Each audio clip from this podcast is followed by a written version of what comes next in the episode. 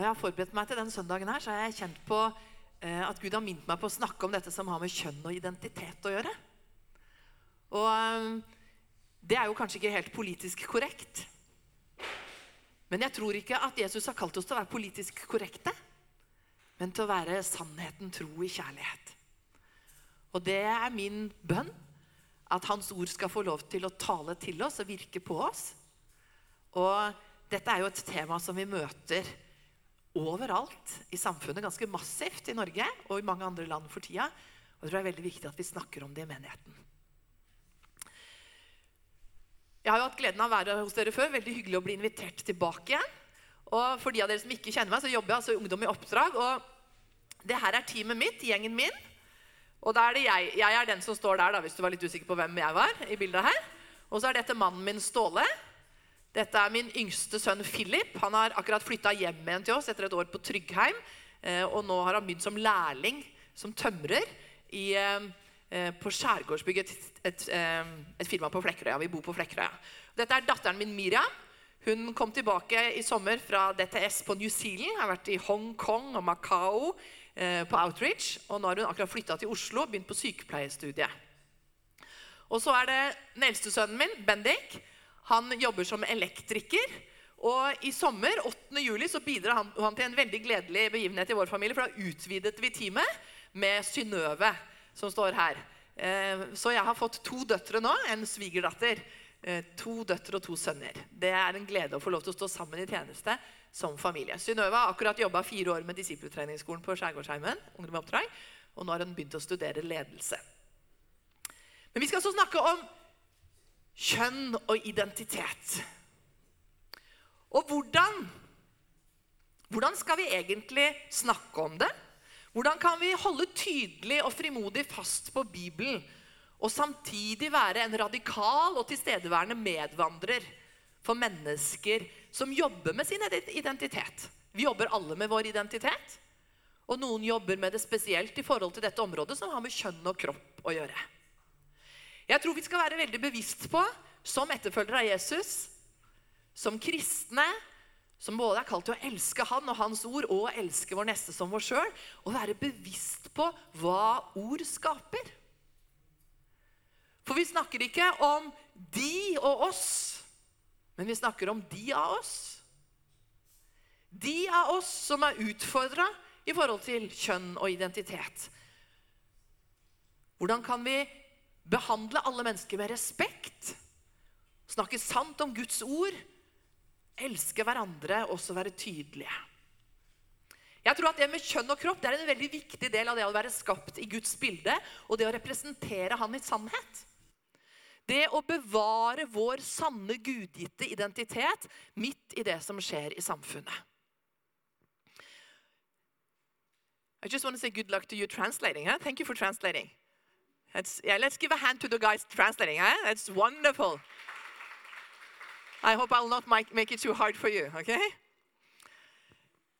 Men eh, du vet at i samfunnet vårt i dag så er det faktisk ganske mange løgner som er i ferd med å bare bli allment akseptert. Det er ganske mange løgner som ikke engang man skal stille spørsmålstegn ved. Og en som heter Rick Warren, kanskje du har hørt om han er en pastor og forfatter fra USA, han har sagt dette her. Vår kultur har akseptert to store løgner. Den første er at hvis du er uenig i noens livsstil, må du enten frykte eller hate dem. Den andre løgnen er at å elske noen betyr at du er enig i alt de mener eller gjør. Begge deler er tull. Both of these are nonsense, sier han. Du trenger ikke å gå på kompromiss med overbevisning for å være medfølende. Tenk litt på det. For det er veldig mye sannhet i det. Og så er det veldig mye frykt som har kommet inn i forhold til disse tingene. I forhold til det å våge å stå opp for sannhet. Å være tydelig, men fortsatt kunne elske. Å være medfølende uten å gå på kompromiss. Det er mange som har sagt det, jeg har hørt det mange si det til meg selv personlig. Det blir så annerledes når det er noen som du kjenner godt. Eller det blir så annerledes når det er noen som er nær. Guds ord tåler både de som er nær og de som er langt unna. Guds ord er sannhet alltid. Og så er det noen som har sagt, jeg vet ikke hvem som har sagt det, men de har sagt sånn her If you stand for nothing, you will fall for anything. Hvis ikke du står for noe, så vil du falle for hva som helst. Og jeg tror det er noe veldig sant i det, som vi trenger å være villige til å møte. Fordi hvis ingenting er sant, hva blir da egentlig viktig? Hvis alt er likegyldig, da blir alt likegyldig. Vi skal være motivert av å elske Jesus, elske hans ord. Ikke bare stå for det som er rett, eller det som du er en del av. Men Jesus var utrolig tydelig på at noe er sant, noe er rett, noe er galt. Han var ikke redd for å si sannheten. Han er sannheten. Og vi trenger å være villige til å ligne på Jesus. Jeg tror at kroppen vår er viktig for Gud. Jeg tror ikke at kropp er likegyldig jeg tror at Det er viktig å være villig til å tenke på disse spørsmålene, fordi det handler om mennesker. Og mennesker har alltid vært viktig for Gud. Du og jeg, alle mennesker, vi er skapt i Guds bilde. Og kroppen er en essensiell del av vår status av det å være skapt i Guds bilde. Vi kan lese det i første Mosebok kapittel 1, hvordan Gud pustet liv. Han blåste liv inn i Adam. Sin ånd inn i Adam, og det gjorde han til en levende skapning. Så det gjør at kroppen vår, kroppen din, kroppen min, bærer Guds vesen, bærer Guds liv. Kroppen vår er ikke ubetydelig. Og Vi kan se hvordan det i skapelsen løftes opp helt konkret både det mannlige og det kvinnelige. Både det maskuline og det feminine som en del av å være skapt i Guds bilde. Begge kjønn er viktige. Og det med reproduksjon, altså at vi kan være fruktbare sammen som mann og kvinne, er en viktig og essensiell egenskap gitt av Gud til mennesket helt fra begynnelsen. Hva sier Bibelen om kroppene våre? Kroppene til Adam og Eva ble sett på som hellige. Og Det er et ord som blir brukt om, det, om kroppene deres, ordet sela. Og Det blir brukt 40 andre ganger i Det gamle testamentet. Dette er litt sånn nerdete for noen, men det er faktisk ganske interessant. Fordi når det står at, at han tok et ribbein av Adam og skapte Eva, så brukes ordet sela. Og det kan bety ribbein, ja. Men dette ordet brukes 40 andre ganger i Gammeltestamentet. Og da betyr det aldri ribbein, men det er knyttet til helligdommen, til tempelet. Det å bygge helligdommen. Det kan bety ribbein, men det kan også bety helligdommen. Så Gud sier at han tar en del av det som er hellig, for å bygge en helligdom. Ikke sant? Kanskje kan det ringe en bjelle. For i 1. Korinterbrev 3,16 1. Korinterbrev 3,16 i Det nye testamentet så står det at vet dere ikke at dere er et tempel for Guds ånd? At Guds ånd bor i dere. Så Gud bygde et tempel helt fra starten for seg. Kroppen vår er et tempel for Han. Og det er Jesus som er min identitet. Ikke mitt kjønn, ikke mine kamper rundt mitt kjønn eller min identitet, men Jesus er min identitet. Og han er trygg. Han er på plass. Han er en klippe. Og så vil alle vi på ulike måter kjempe både med vår identitet, med vår kropp, med vår seksualitet på ulike områder. Og jeg trenger å ta opp mitt kors daglig i forhold til disse tingene og leve radikalt midt i det livet som jeg har. Og så kan vi ikke forvente at andre skal gjøre det hvis ikke vi er villige til å gjøre det selv. Vi må inkludere de av oss i fellesskapet som er utfordret på disse områdene i forhold til kropp og identitet, like mye som vi utfordrer hverandre som er utfordret på andre områder i vår identitet og våre liv. Å være bevisst på hvilke stereotyper vi underbygger. sånn som Nå skal dere ha samlivskurs. ikke sant? Kjempebra. Utrolig viktig. Men vi må løfte fram at maskulinitet og femininitet har ulike uttrykk både for mann og kvinne, og at det er helt naturlig og skapt av Gud. Og Vi må være bevisst på å inkludere hver enkelt, selv om ikke vi er typisk mann eller typisk kvinne. Men vi er skapt av Gud som mann og kvinne. Det er interessant at regjeringen i Norge har økt grensen, aldersgrensen til 18 år for kosmetiske fysiske inngrep men senket grensen for kjønnskorrigerende behandling helt ned til seksårsalder hvis begge foreldre samtykker. Det er noen ting her, noen løgner, noe forvirring, som hadde forslått veldig rot. Kanskje var det noen av dere som leste en artikkel som sto i VG i midten av juni, 17. juni. så sto det et intervju med en gutt som het Alexander. Var det noen av dere som leste det? Som hadde vært gjennom kjønnskorrigerende behandling og operasjoner. Og Han snakket om det at å fokusere på kjønn og identitet har blitt som en pandemi i samfunnet vårt. Bare hør på noen tall her. I 2008 så var det 81 nordmenn som ble henvist til kjønnskorrigerende behandling på Rikshospitalet i Oslo. 81. I 2014 så hadde det mer enn doblet seg til 164 personer. En dobling altså på seks år. Og så i 2022, etter åtte nye år, så hadde det økt til 836 personer. Nesten en femdobling. Og denne unge mannen Alexander, som våknet opp i gru over hva han hadde gjort med kroppen sin, han sa jeg skulle ønske jeg hadde møtt noen som utfordret meg. Dette var ikke en kristen gutt. Da kan det hende at alt dette andre aldri hadde skjedd. Og så sa han, 'Jeg kan jo aldri bli en kvinne. Jeg bare kjøpte meg inn i en løgn.' I beste fall kunne jeg blitt en imitasjon av en kvinne. Vi må våge å reise stemmen vår. Vi må våge å være sannheten tro i kjærlighet og vise at det finnes en annen vei. Heltfri.nett de har lansert noen podkaster i sommer. Kanskje noen av dere har hørt det. Samtaler med ulike personer som har opplevd utfordringer i forhold til dette med kjønn og identitet. Og Der snakker Alexis Lind bl.a. med ei jente som heter Noah. Som begynte på veien mot kjønnskorrigerende behandling. Og hun sier det. Du vil ikke si til en som er forvirret og deprimert og tenker på selvmord, ja, jeg støtter deg. Bare gjør det. Det er sikkert rett for deg. Hvis du føler deg verdiløs, så er det sikkert sant for deg. Nei. Noah hun møtte Jesus og fikk gjenopprettet identiteten sin og ble satt fri og lever i dag som jente, som en ung dame, men med mørkere stemme. Fordi hun har mottatt behandling som er irreversibelt. Jeg tror at vi må være bevisst på å tørre å snakke om dette og snakke om at det finnes egentlig ikke, sånn som Bibelen presenterer det, tror jeg, et mangfold av kjønn. Men det finnes et mangfold av personligheter, et mangfold av uttrykk. Vi er alle skapt i Guds bilde. Og så må vi jobbe. Vi må kjempe for renhet, vi må jobbe med vår identitet. Vi må holde oss nær til Gud. Og så må vi være villige til å tenke over disse spørsmålene som finnes midt iblant oss. Hvordan vil du tiltale en jente som er usikker på sin egen identitet? Hva ville du sagt til en gutt som sier at 'jeg er egentlig jente og vurderer å skifte kjønn'? Vi må våge å tenke over disse tingene. Hvilke råd vil vi gi? Vi skal møte mennesker og leve sammen.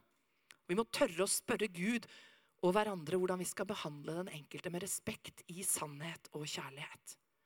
Hvordan kan vi leve som Jesu disipler, som hans etterfølgere, midt i en verden som er fanga i så mye forvirring? Når det kommer til det som har med kjønn og identitet og relasjoner å gjøre. Jeg tror at løsningen er ikke å være stille. Jeg tror at Gud kaller oss til å løfte vår stemme både til Han og i samtale med hverandre i menigheten og i samfunnet. Og så tror jeg vi trenger å øke vår kunnskap. Etter at jeg har begynt å engasjere meg for gutt og jente det siste året, så har jeg lært utrolig mye. Og det har gjort meg mye mye tryggere på å snakke om disse tingene. Og stå trygt på Guds ord. Og jeg har blitt mer glad i mennesker. Jeg har lyst til å bare ta deg med til et vers, eller to vers, i første Mosebok og bare snakke litt om det. For i første Mosebok kapittel 1 vers 27 og begynnelsen av vers 28 så står det veldig tydelig at du og jeg, alle mennesker, vi er skapt i Guds bilde. Der står det sånn Og Gud skapte mennesket i sitt bilde. I Guds bilde skapte han det. Som mann og kvinne skapte han dem. Og Gud velsignet dem. Han sa til dem, vær fruktbare og bli mange. Fyll jorden og legg den under dere. Jeg vil foreslå det at i disse, disse setningene her, disse to setningene disse, dette halvannet verset, så oppsummeres egentlig rammene for seksuell intimitet, og også hva det vil si å være skapt i Guds bilde. Bare hør på det her. Gud skapte. Det var Gud som skapte. Det er han som er opphavet.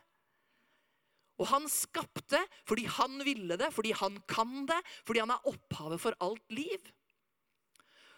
Og så skapte han i sitt bilde noe som er lik han, noe som bærer hans verdighet, hans verdi. Hvert menneske bærer Guds verdighet i livet sitt, enten de kjenner han eller ikke. Så er alle mennesker skapt av Gud. Enten de er forvirret eller trygge, enten de er underveis eller føler at de er nokså på plass, så er de skapt i Guds bilde og bærer noe av hans verdighet. Og dette bildet skapte han dem til. Som mann og kvinne skapte han dem. Så det er altså sånn han skapte det. Som mann og kvinne. Sammen er vi et bilde av Gud. Sammen bærer vi hans bilde. Og det er når vi står sammen som mann og kvinne, i maskulinitet og femininitet, så har vi muligheten til å gjenspeile Guds karakter og Guds vesen på jorda på en sann måte. Og så står det at Gud velsignet dem. Dette bildet av mann og kvinne det var det Gud velsignet. Og gjennom det så vil det bli åpenbart hvem Gud er. Gjennom dette bildet så sa han 'vær fruktbare, bli mange'. Altså Han sa jo egentlig 'ha sex'. Det er det han sier. ikke sant? Vær frukt. Det er ikke noen annen måte å være fruktbar på enn å ha sex. Beklager å si det sånn rett ut på gudstjenesten, men dette er Guds ord. Sant? Så han sier noe om at det er denne relasjonen, det er der dette hører hjemme. Og det er det han velsigner. Fyll jorden og legg den under dere. Det er et oppdrag å gå ut med det bildet, med den velsignelsen, og vise verden hvem Jesus er. Og vi kunne snakket mye om det, men vi rekker ikke å snakke om alle ting i, en gudstjenestepreken. Men jeg har lyst til å bare gi deg til at Guds ord er veldig tydelig, og Guds ord er sannheten som setter fri. Og vi må våge å stå sammen på Guds ord. Vi må våge å være våkne i den tida som vi lever i. Sånn som det står i 1. Korinterbrev 16, vers 13 og 14. Vær våkne. Stå fast i troen. Vær modige og sterke, og la alt dere gjør, skje i kjærlighet. Det er en saftig utfordring som jeg kjenner treffer meg. Jeg tror kanskje at den treffer deg også, hvis du er ærlig. Vi blir utfordra og oppfordra til å være våkne, til å stå fast i troen og til å være sterke. Ikke i oss sjøl, men være sterke i Guds kraft. Være sterke i Hans ord, være sterke i Hans sannhet.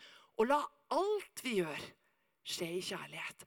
Og ofte så tror jeg vi har sett det i samfunnet, både blant kristne og i debatten ute i media, så, så krasjer disse tingene. For hvis vi, hvis vi vil være sterke og våkne og stå fast, være modige, så kan det bli hardt. Men Guds ord det, det henger helt sammen. At alt vi gjør, skal skje i kjærlighet. Vi skal elske mennesker i sannhet. Og jeg tror det er kjempeviktig i forhold til det som har med kjønn og identitet å gjøre. Både være modige og sterke og stå fast i troen, og samtidig la alt skje i kjærlighet. Men det krever en våkenhet. At ikke vi bare sover i timen, blir stille, sløve eller trekker oss tilbake. Og Det kan kanskje føles som en fristelse eller føles enklere. Jeg har lyst til å snakke litt om dette med kjønn. Og Kanskje tenker du sånn, å jeg er lei av det. Det er så mye om det. Men det er veldig viktig at vi snakker om det i menigheten.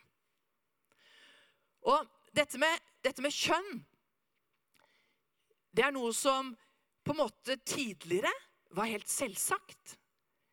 Det er noe som man egentlig ikke diskuterte eller snakket så mye om. Noen vil kanskje si ja, men det var fordi man ikke våget, eller det ikke var frihet til å snakke om det.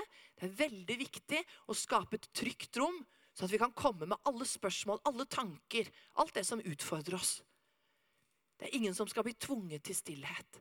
Vi skal møte alle iblant oss med respekt. Og det er veldig mye forvirring på dette området i dag, og det er jo ikke så rart. Fordi det blir presentert helt fra barneskolealder i Norge. Spørsmålsstillingen at du kan ikke vite hvilket kjønn du er. Det er det offentlige ståstedet i Norge i dag. Vi som kristne, vi som Guds menighet, vi skal ha et selvsagt utgangspunkt. tenker jeg, At alle mennesker, Uansett hvor de befinner seg i forhold til sin kjønnsforståelse, sin identitet, hvilke seksuelle følelser de måtte bære på, de er dypt og inderlig elsket av Gud. De er skapt av Gud. Alle mennesker har akkurat like stor verdi i Guds øyne. Og det er veldig mange mennesker som dessverre har blitt såret, dypt såret når vi har snakket om kjønn og identitet og seksualitet i kirken. Og det ærer ikke Gud at mennesker blir behandlet dårlig eller at noen får en opplevelse av å være mindre verdt, eller å ikke bli møtt med kjærlighet. Og Vi vil ikke være tause, men vi vil snakke på sammen på en god måte. Det må alltid være målet. Men samtidig er vi overgitt til Guds ord og Guds sannhet, og være sannheten tro i kjærlighet. Og Vi er litt i ulike aldre, ulike generasjoner sammen her i dag. Og vi er ulike steder kanskje i å finne vår identitet, bli trygge på hvem vi er. Men jeg er sikker på at alle vi, enten vi gjør det nå, eller det er noe vi føler vi har gått litt igjennom, så har vi kjempet med ulike spørsmål, både små og store, i forhold til hvem vi er, og det å finne vår identitet. Jeg har lyst til å si til deg, hvem lar du tale inn i din identitet? Hvem lar du definere hvem du er, hva som er din verdi, hvem du er skapt til å være? La det være Guds ord. La det være Guds sannhet. La det være hans karakter som får definere sannhet for deg. Bare for å ta et litt sånn kort eh, Bare si litt om kjønn. Noen av dere kan mye om dette, mens andre føler seg litt forvirra. Jeg har bare lyst til å si helt kort.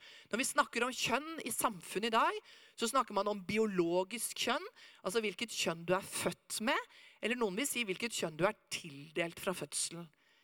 Du er født som mann eller kvinne. Det defineres ut fra kjønnsorganene dine, hvilke kromosomer du har i kroppen. Og så er det det som kalles for juridisk kjønn. Det er det kjønnet du står oppført med i folkeregisteret eller passet ditt. Og I Norge så er det mulig å skifte juridisk kjønn uten å gå til noen form for samtale. Du kan gjøre det selv etter at du er fylt 16 år. Og så er det det som kalles for kjønnsidentitet. Det er en persons selvopplevde kjønn, hva man føler seg for, som. Og det er egentlig helt uavhengig av, ifølge samfunnet i dag, hvilket biologisk eller juridisk kjønn du måtte ha. For når du registrerer deg på Facebook eller andre steder, så skal du jo velge sant, om du er mann eller kvinne.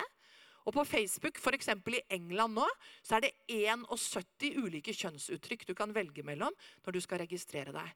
Det er ikke liksom bare mann eller kvinne. Så dette er en utvikling som skjer i mange land på ulike områder. Og så er det det som kalles for kjønnsuttrykk. Det, da snakker man om hvordan du uttrykker kjønnet ditt. Eh, F.eks. gjennom klær, kroppsspråk, hårstil, stemme, sosial atferd. Det kan være litt sånn vanskelig å sortere, men bare greit å vite litt om. Og så er det disse begrepene også. Dette med transkjønn. Da snakker vi om mennesker som helt eller delvis ikke identifiserer seg med sitt biologiske kjønn. Det kjønnet de er født med. Så er det kjønnsdysfori det er en opplevelse av sterkt ubehag i forhold til det kjønnet som kroppen viser. Og Hvis du opplever kjønnsdysfori over lang tid, så kan du til slutt få en diagnose som kalles for kjønnsinkongruens. Um, og Da kan det også etter hvert bli snakk om eh, kjønnskorrigerende behandling. Jeg har lyst til å si det at jeg tror at Gud har skapt oss som mann og kvinne. Han har skapt oss med det maskuline og det feminine. Og det er en gave fra Gud. Det er et uttrykk for Guds karakter og hvem han er, og hvordan han ønsker at vi skal representere han i verden i dag. Jeg tror det er en løgn som blir godtatt mer og mer i samfunnet i dag, når mennesker sier at kjønn sitter ikke mellom bena, men mellom ørene. Kjønn er ikke bare en tanke eller en følelse, men kjønn er biologi. Det snakkes om å være født i feil kropp. Jeg tror at ingen mennesker er født i feil kropp, men mennesker er skapt og villet av Gud. Og så kan vi være ukomfortable med vår egen kropp. Vi kan oppleve ubehag og kjempe med å finne vei i forhold til hvem vi er. Men jeg tror at du er født og villet av Gud med det kjønnet som han har skapt deg med. Jeg tror at løsningen ikke er å skifte kjønn, men at løsningen er å bli trygg i den som Gud har skapt oss til å være, selv når vi er utfordret. Det er en sterk økning i forhold til kjønnsforvirring, særlig blant unge jenter i Norge i dag. Og det er ofte også sammenheng med andre psykiske eller fysiske utfordringer. Og når man da snakker om at kjønn er flytende, at kjønn er udefinertbar, at det er definert av følelser og ikke biologi, så kan man lett tenke og bli også ledet til i dag, fordi man ikke egentlig har lov til å stille motspørsmål, til å tenke at løsningen er å skifte kjønn. Og så vil man oppdage, og det ser vi flere og flere eksempler på, at ikke nødvendigvis problemene forsvinner ved å skifte kjønn. I Norge i dag er det faktisk lettere å skifte juridisk kjønn enn å skifte navn. Navn er bare lov til å skifte en gang hvert tiende år, mens juridisk kjønn kan du praktisk talt egentlig skifte så ofte som du vil. Det er ikke pålagt noen begrensning for det etter fylte 16 år. Tror det er viktig at vi har litt kunnskap om disse tingene. Vi kan ikke bare liksom se bort ifra 100 år, hundrevis av år med psykologi og forskning som viser viktigheten av forskjeller mellom gutt og jente, hvordan vi utvikler oss forskjellig. Men vi skal heller ikke sette hverandre i sånne vanntette båser at det må være sånn eller det må være sånn. Men noe av det siste som utvikles i hjernen vår, det er noe som heter frontallappen, som sitter forrest i hjernen. Og Der sitter bl.a. muligheten for konsekvenstenkning og til å vurdere risiko. Og Hos jenter så er det tidligere utviklet enn hos gutter. Jeg beklager, gutta. Sånn er det bare. Men for jenter så er det ved 23-årsalderen ferdig utviklet. Mens hos gutter kan det være kanskje opp mot 25 år. Og likevel så griper vi inn gjør dyptgripende, irreversible inngrep i unge menneskers liv før de egentlig har kommet til det stadiet at de er ferdig utviklet og tenker konsekvens og risiko ved de valgene de tar. Og det er faktisk sånn at Forskning viser at det er veldig veldig vanlig for folk å være utfordret. Og, og mange av oss som sitter her, har opplevd det. Å være utfordret av både sin egen seksualitet, hvem er jeg egentlig tiltrukket av, og å finne sin egen identitet i forhold til kjønn gjennom ungdomsårene og tidlig ung voksenalder. Men 80-90% av alle som har vært utfordret i forhold til dette med kjønnsidentitet, faller til ro i sitt biologiske kjønn i voksen alder. 80-90% Derfor tenker jeg at vi skal være veldig forsiktige og veldig respektfulle i møte med alle de av oss som kjemper med disse tingene, og ikke pushe noe som ikke kan reverseres. Guds tanke er at han har skapt oss til mann og kvinne. Maskulinitet og femininitet. Skapt til å være bærere av han. Bærere av hans identitet. Et uttrykk til verden. Og det har han velsignet. Og så har jeg tenkt mye på det her. For det er jo veldig mye forvirring i samfunnet vårt i dag om hvem Gud er. Ikke sant? Om Guds karakter og det å kjenne Gud. Og vi er skapt i Guds bilde. Og det er også mye forvirring nå om hvem mennesket er. Og kanskje henger disse to ganske tett sammen. Følger du meg? Fordi hvis vi kjenner Gud bedre, han som har skapt oss i sitt bilde, så vil vi også lettere kunne gjenkjenne hvem vi er i Han. Derfor så tror jeg at vi skal være så frimodige på å forkynne Guds ord, forkynne Guds karakter, hvem han er, i sin kjærlighet, sin visdom, sin styrke, sin sannhet. Og vi skal bli forma mer og mer lik hans bilde. Og så tror jeg det, og jeg har erfart det i mitt eget liv, at jo bedre jeg kjenner Gud, jo bedre vil jeg også kjenne meg selv. Jo tryggere jeg blir på hvem han er, jo tryggere vil jeg også være på min egen identitet. Jo sannere gudsbildet mitt er, jo sannere vil også selvbildet mitt være. Og vi skal vokte oss for å ikke skape mennesket i vårt eget bilde. Det kan bli noe vanvittig rot. Men å løfte opp Gud og mer og mer bli forvandla til det samme bildet. Og det står det i Korinterbrevet at dette skjer ved Herrens ånd. Så det å være i hans nærvær, i sin bedelse, under ordets forkynnelse, det vil hjelpe oss til å feste blikket på han, se han tydeligere og mer og mer bli forvandlet til det samme bildet. Og så må vi kunne snakke om det i menigheten også, at vi alle har både maskuline og feminine trekk. Jeg som kvinne jeg har også maskuline trekk. Jeg er ikke en typisk dame på alle områder. På en del områder er jeg egentlig mer maskulin enn typisk feminin. Og det er helt naturlig. Det gjør ikke meg til mindre kvinne. Det gjør ikke deg til mindre mann om du har feminine trekk. Vi må våge å snakke om det. Vi er skapt av Gud i Guds bilde, og Gud i sin karakter han er både maskulin og feminin i sine karaktertrekk. Men han har skapt oss til mann og kvinne. Vi er fortsatt mann og kvinne, skapt i Guds bilde ifølge Bibelen. Og så må vi ta sterk avstand fra all trakassering, all forfølgelse av alle minoriteter.